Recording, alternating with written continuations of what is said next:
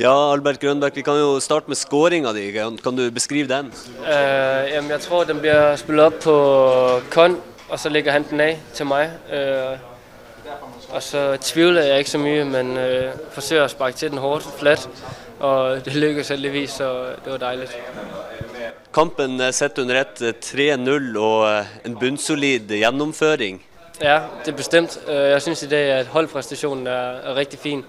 Vi øh, sidder på det meste af alt spillet i kampen, øh, og giver meget få chancer væk, så i dag var en rigtig fin præstation. Som jeg spurte deg, du får deg et par smeller og eh, blir også bytta ut. Hva er, du står akkurat nå med en liten bandasje på, på foten. Hva er, hva er status? Nej, jeg kom til, at øh, der var en situation, hvor jeg får sparket op i skoen hans. Øh, og øh, jeg tror, det kommer til at gå fint. Det er bare et lille slag, som øh, det skal nok gå fint. Du er klar til onsdag igjen? Ja. Hva er tre mål på dine tre første kamper denne sesongen i Eliteserien? Hvordan har du knekt den koden der?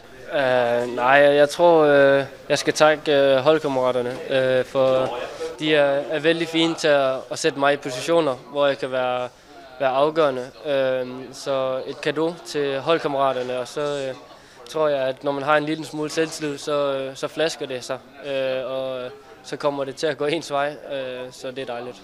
Så ingen ære til deg sjøl, bare til lagkameratene? Nej, selvfølgelig, selvfølgelig gør jeg også noget selv rigtigt, men uh, jeg synes, at de også skal have, have et tak.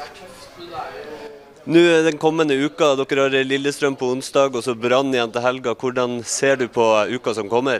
Nej, det bliver nogle øh, fine kampe. Vi øh, ser frem til at, at skulle spille semifinalen. Øh, vi glæder os, og øh, vi er inde i en, en rigtig fin periode, så øh, vi skal bare fortsætte med, med det, vi gør nu.